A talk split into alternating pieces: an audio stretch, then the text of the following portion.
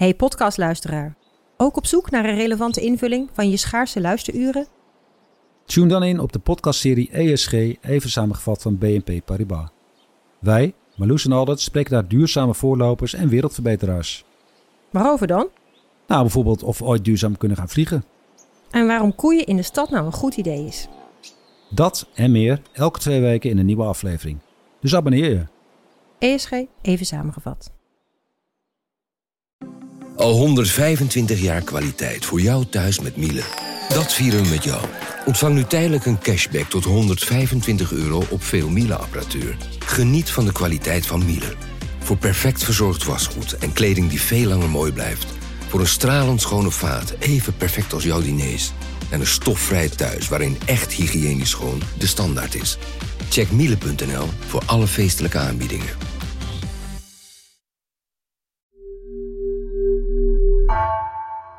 Vanaf de redactie van NRC vertellen we je elke dag het verhaal van vandaag. Nieuwsverhalen die raken, verrassen of iets aan het licht brengen. Maar wat gebeurt er na de eindtune? Deze week hoor je van vijf verhalen hoe het verder ging. Dit is het vervolg van vandaag. Mijn naam is Floor Boon.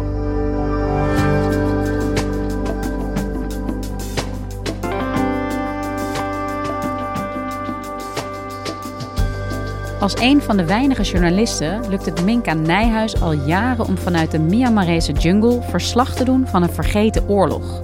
In januari was ze hier te horen na een bezoek aan een ziekenhuis voor gewonde guerrilla-strijders. Onlangs verbleef ze in een kamp waar jonge recruten zich klaarmaken voor een strijd voor vrijheid. De jongeren zijn strijdbaar, maar hun toekomst is ongewis.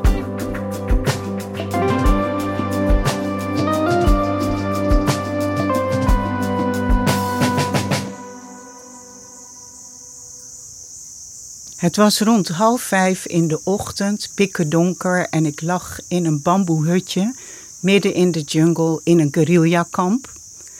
En ik hoorde de eerste geluiden van jonge mensen die werden opgetrommeld om hun militaire training te gaan beginnen en te vechten tegen het militaire regime in Myanmar. Dus ik sprong mijn hutje uit en rende in het pikken donker zo'n heel smal geitenpaadje op kwam boven aan de heuvel en daar in de diepte vond die training plaats. En ik heb toen mijn eh, telefoon gepakt en ben gaan opnemen en heb zitten kijken. Langzaam bleekte de hemel op en zag ik die tientallen jonge mensen daar ja, rondjes rennen. En ik hoorde het getrappel van voeten in het stof.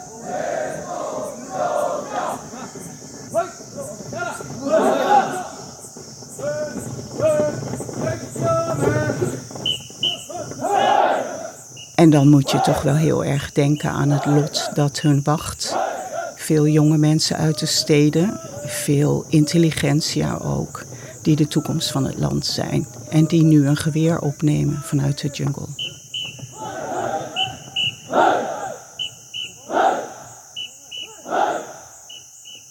Een van die commandanten is de 29-jarige Mangsoka, een voormalig dichter, mensenrechtenactivist die nu aan het hoofd staat van dit guerrillakamp.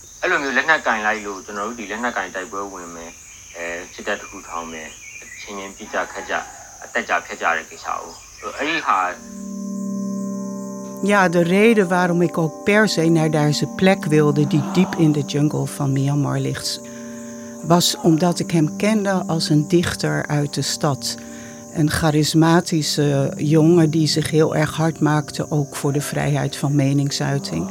Hij had al eerder in Nederland een belangrijke mensenrechtenprijs gekregen.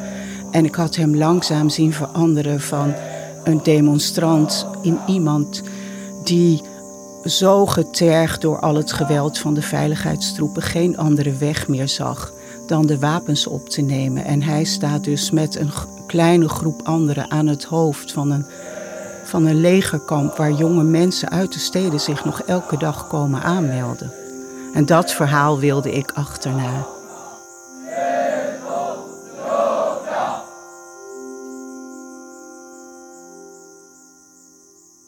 Minka, jij komt al heel veel jaren in Myanmar. Op plekken waar ook nauwelijks of zelfs geen andere journalisten komen. Waarom vertrekken zoveel jonge mannen en vrouwen ehm, uit de stad om in die Myanmarese jungle te gaan vechten? Ja, dat is wel een verhaal van een hele grote tragiek. Myanmar is al decennia een militaire dictatuur. En zo rond 2012 zijn er wat prille hervormingen gekomen, meer democratisering. Daar hebben jonge mensen natuurlijk meer van geproefd ook dan de generaties voor hun. En op een gegeven moment heeft het leger toch weer besloten dat het genoeg was met die hervorming. En dat heeft hen ertoe gebracht om anderhalf jaar of ruim een jaar geleden een staatsgreep te plegen. En daar is de bevolking massaal tegen in opstand gekomen. Wat voor soort vrijheden heeft de jongere generatie van geproefd? Waar moeten we dan aan denken? Ja, anders dan de generaties voor hun, die echt in de duisternis leefden voor een belangrijk deel, hebben ze bijvoorbeeld, wat heel cruciaal was, toegang gehad tot internet. En daarmee namen ze deel aan de wereld en hadden contact met hun leeftijdsgenoten. Er stond een bescheiden middenklasse, waardoor jonge mensen ook uh, konden gaan reizen, bijvoorbeeld, of ambities hadden voor goede banen. En dat idee van dat hun een toekomst wachtte die er veel beter uitzag dan wat hun ouders en grootouders ooit gekend hadden, dat dat hen werd afgenomen, heeft ook zoveel boosheid veroorzaakt. Want terug naar de duistere dagen waarover de vorige generaties hun vertelden, dat nooit. En hoe duister was dat? Konden ze niets, mochten ze niets? Hoe zag dat militaire bewind eruit? Ja, een hele gruwelijke dictatuur. Wie ook maar een woord van kritiek durfde te uiten, kon voor jaren de gevangenis ingaan. Een uitgebreid inlichtingenapparaat ook. Een samenleving waar mensen tegen elkaar uit werden gespeeld. Er werd je geleerd elkaar te wantrouwen. En daarnaast was het ook een land waar maar mondjesmaat contact was met de buitenwereld. Dus mensen leefden sinds 1962 tot en met ongeveer het jaar 2000 leefden mensen toch wel in een behoorlijk isolement. En in 2012, zei jij, eh, kwamen zo langzaam uh, wat democratische hervormingen. Uh, dat duurde dus tot 2021. Hoe zag die periode van negen jaar eruit? Was er een democratisch gekozen regering in die tijd? Aanvankelijk niet. Er was een soort semi-civiele regering van ex-militairen. En die hebben heel voorzichtig wat hervormingen toegestaan. Die hebben ook Nobelprijswinnares Aung San Suu Kyi vrijgelaten. En die is toen met hun partij weer gaan organiseren. Die hebben in 2015 de verkiezingen gewonnen. Maar achter de schermen had het leger gewoon nog altijd grote macht.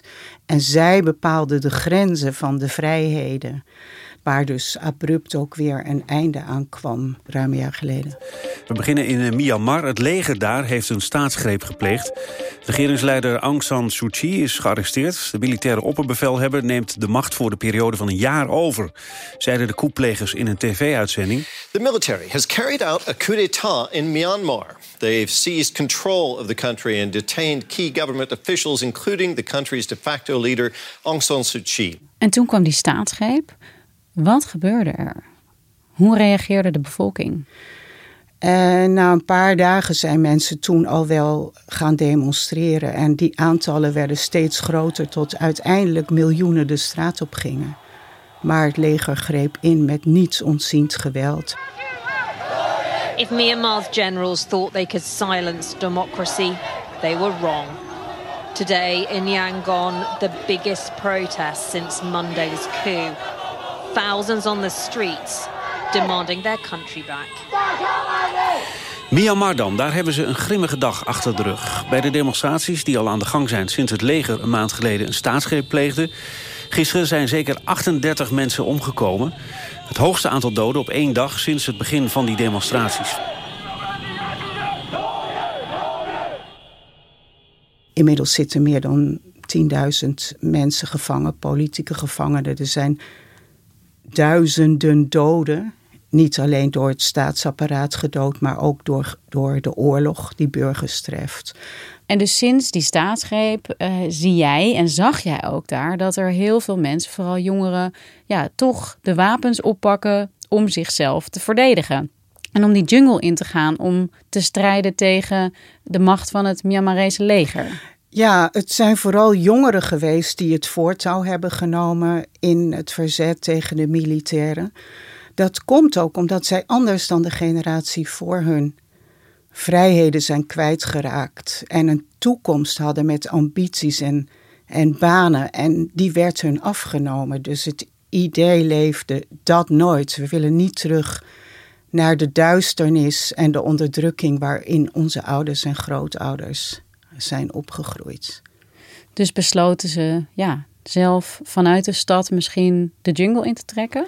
Ja, dat is een besluit wat niet licht genomen is.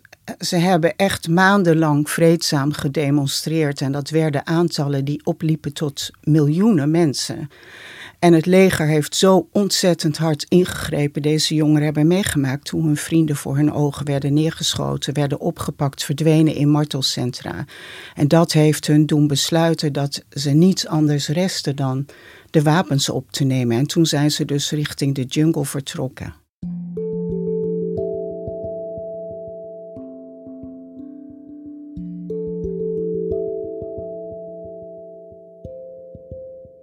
Ja, en hoe ziet het daar precies uit? Hè? Dus dit zijn allerlei verschillende mensen van verschillende lagen in de bevolking die besluiten om ja, uh, de bescherming van de jungle op te zoeken, om in guerrillakampen zich te organiseren. Hoe, hoe ziet dat er in de praktijk uit? Ja, het is echt een jungle. Dus je zit in een gebied met dicht gebladerte, wat deels ook dient als bescherming tegen luchtaanvallen, artillerie. En verder is het een leven tussen hout en bamboe. Alles uit de jungle wordt eigenlijk gebruikt om hutten te bouwen, waterleiding te maken. En tegelijkertijd zie je ook dat de, uh, ja, de moderne technologie zijn uh, heeft gedaan. Dus uh, mensen hebben drones, er, er, werken ingenieurs die van bamboe een heel ingenieus watersysteem kunnen aanleggen. Dus je hebt eigenlijk een omgeving waar oude kennis gebruikt wordt en moderne technologie. En jij, Minka, ja, komt dus al 30 jaar in Myanmar. Um, het is een land in oorlog waar je niet gemakkelijk naar binnen komt. Hoe, ja, hoe kom jij aan dit verhaal? Wat heb jij uh, gedaan om al deze mensen te spreken uh, midden in die jungle? Ja, het is inderdaad niet heel makkelijk om dicht bij dit verhaal te komen. Ik ben een van de heel weinige journalisten wereldwijd die diep het binnenland intrekt. Maar dat heeft er ook mee te maken dat ik het land al zo lang volg en meer dan 30 jaar contact heb onderhouden met mensen. En sommige van hen zitten nu weer in de jungle waar ik ze destijds ook heb leren kennen. Dus dat onderhouden van contacten, dat betaalt uh, zich uit. En hoe gaat dat dan in zijn werk? Jij reist naar de grens en daar heb jij vrienden die jou de grens overhelpen? Ja, daar kan ik niet te veel details over geven, maar het is inderdaad een netwerk van contacten die jou vertrouwen, die ook weten dat jij je kunt redden in de jungle. Ik weet dat ik gewoon uh, of ergens onder de bomen moet overnachten of op een bamboevloertje dat ik me moet wassen in de rivier eh, met een sarong aan of een paar dagen helemaal niet en dat je daar niet moeilijk over doet. En dit is een heel groot conflict uh, dat ook al heel lang duurt um, met allerlei verschillende ontwikkelingen daar uiteraard in, maar hier horen we er toch relatief weinig over. Hoe komt dat? Ja, dat is natuurlijk altijd de tragiek van een land wat al heel lang in de problemen zit. Dan wordt snel gezegd van het is meer van hetzelfde. En dan komt het eigenlijk alleen in het nieuws als de vlammen uit het dak slaan. Wat je zag tijdens de staatsgreep en het geweld wat toen gebruikt werd. En dan ebt het weer weg. En ja, de, de, de kleine of de vergeten oorlog van vandaag kan het grote conflict van morgen worden. Dus ik zie het wel een beetje als mijn uitdaging om dat soort ja, situaties toch langdurig te blijven volgen. En de mensen en veelal jongeren die in die jungle zitten, die in die improvisorische houten bamboe kampen uh, verkeren, hoe is het voor hen? Hoe is het om daar te zijn? Nou, wat mij heel erg aan ze opvalt is dat ze ontzettend gedreven zijn. Maar verder is het eh, ja, een enorm offer wat ze brengen. Uh, ze moeten hun leven wagen in een frontliniegebied. Uh, ze leven met de herinneringen aan, aan hoe hun vrienden zijn opgepakt en vermoord. Dus dat is een enorme verantwoordelijkheid die ze op hun schouders hebben genomen. sommigen zijn naïver dan anderen, die denken dat dit een kwestie is van een aantal maanden. Anderen hebben een veel langere termijnvisie, zoals bijvoorbeeld Mangsoka, die zegt heel duidelijk van nou, ik heb me ingesteld op jaren en mogelijk doe ik dit zelfs voor de volgende generatie, maar we moeten nu van dit dictatoriale systeem af. ရောက်လာတဲ့အချိန်မှာပေါ့နော်ဆိုတော့ဟိုဘလို့တက်ပုံပြန်သွားမလဲဆိုတော့အရန်အရန်ကိုပဲစဉ်းစားရတာပေါ့နော် Ja, de omstandigheden zijn ellendig. Ik zat bijvoorbeeld ook in een klein kliniekje, eh, op een, een bamboekliniekje bij een jongen. Die was tijdens het wachtlopen op een mijn gestapt. Was zijn onderbeen kwijt. Ehm, en zijn vrienden zitten daar dan omheen. En dan, zelfs dan proef je toch de vastbeslotenheid.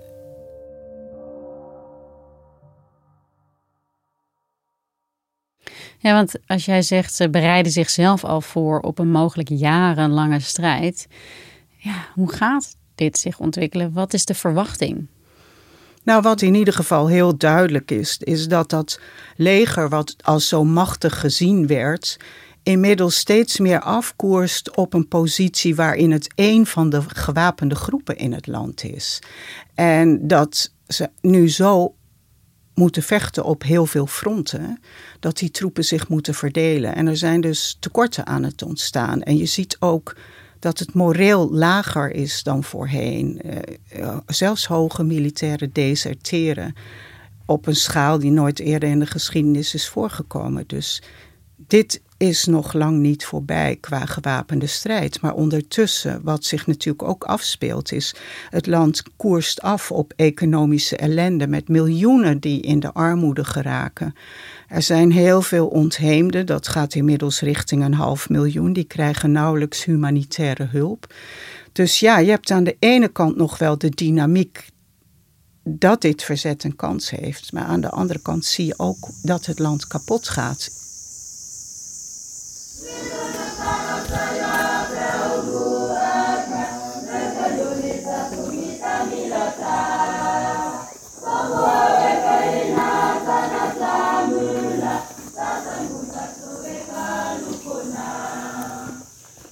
Hoe is het vooruitzicht van die jongeren die daar nu in die jungle strijden? Ze zijn voorbereid op een lange strijd, maar ja, kunnen zij het ook volhouden?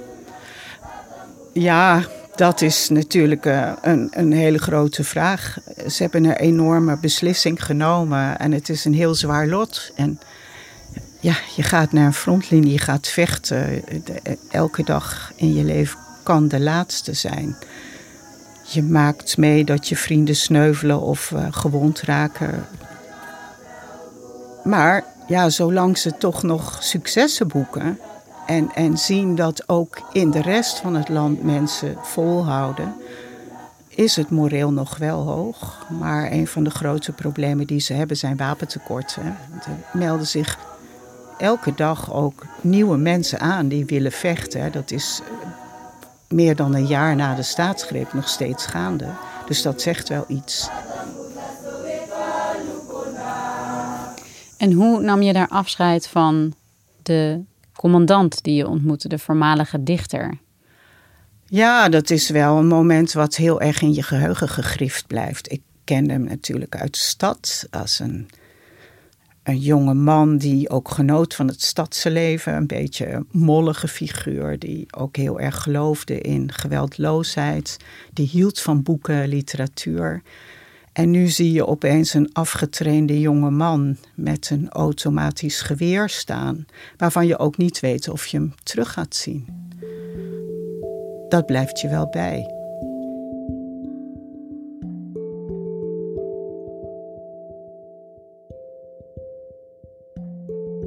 Is het eigenlijk voor jou? Jij hebt al heel erg lang een band met een land dat wordt verscheurd door oorlog. Uh, waar even nou ja, de suggestie van wat meer vrijheid werd gewekt, maar dat nu weer keihard de kop is ingedrukt door de staatsgreep.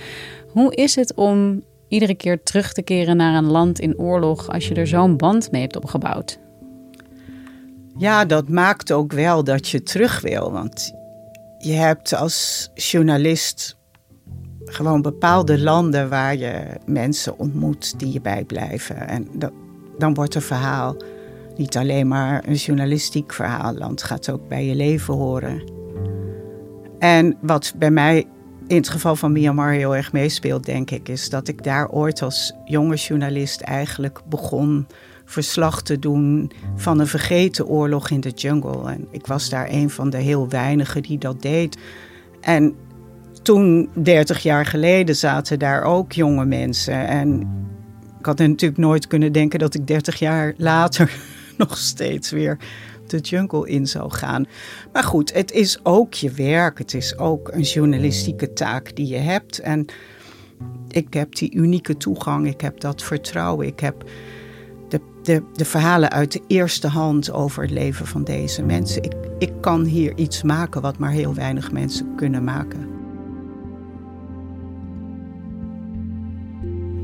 Ja, dankjewel Minka voor eh, het ons niet laten vergeten van een vergeten oorlog. Graag gedaan.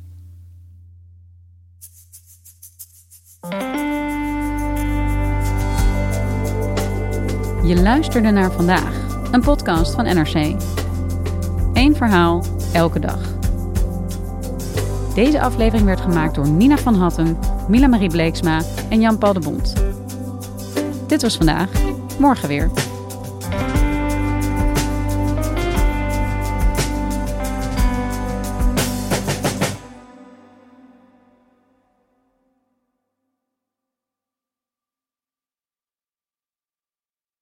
Technologie lijkt tegenwoordig het antwoord op iedere uitdaging. Bij PwC zien we dit anders. Als we de potentie van technologie willen benutten, kunnen we niet zonder een menselijk perspectief. Human-led, tech-powered noemen we dat. Ga naar pwc.nl.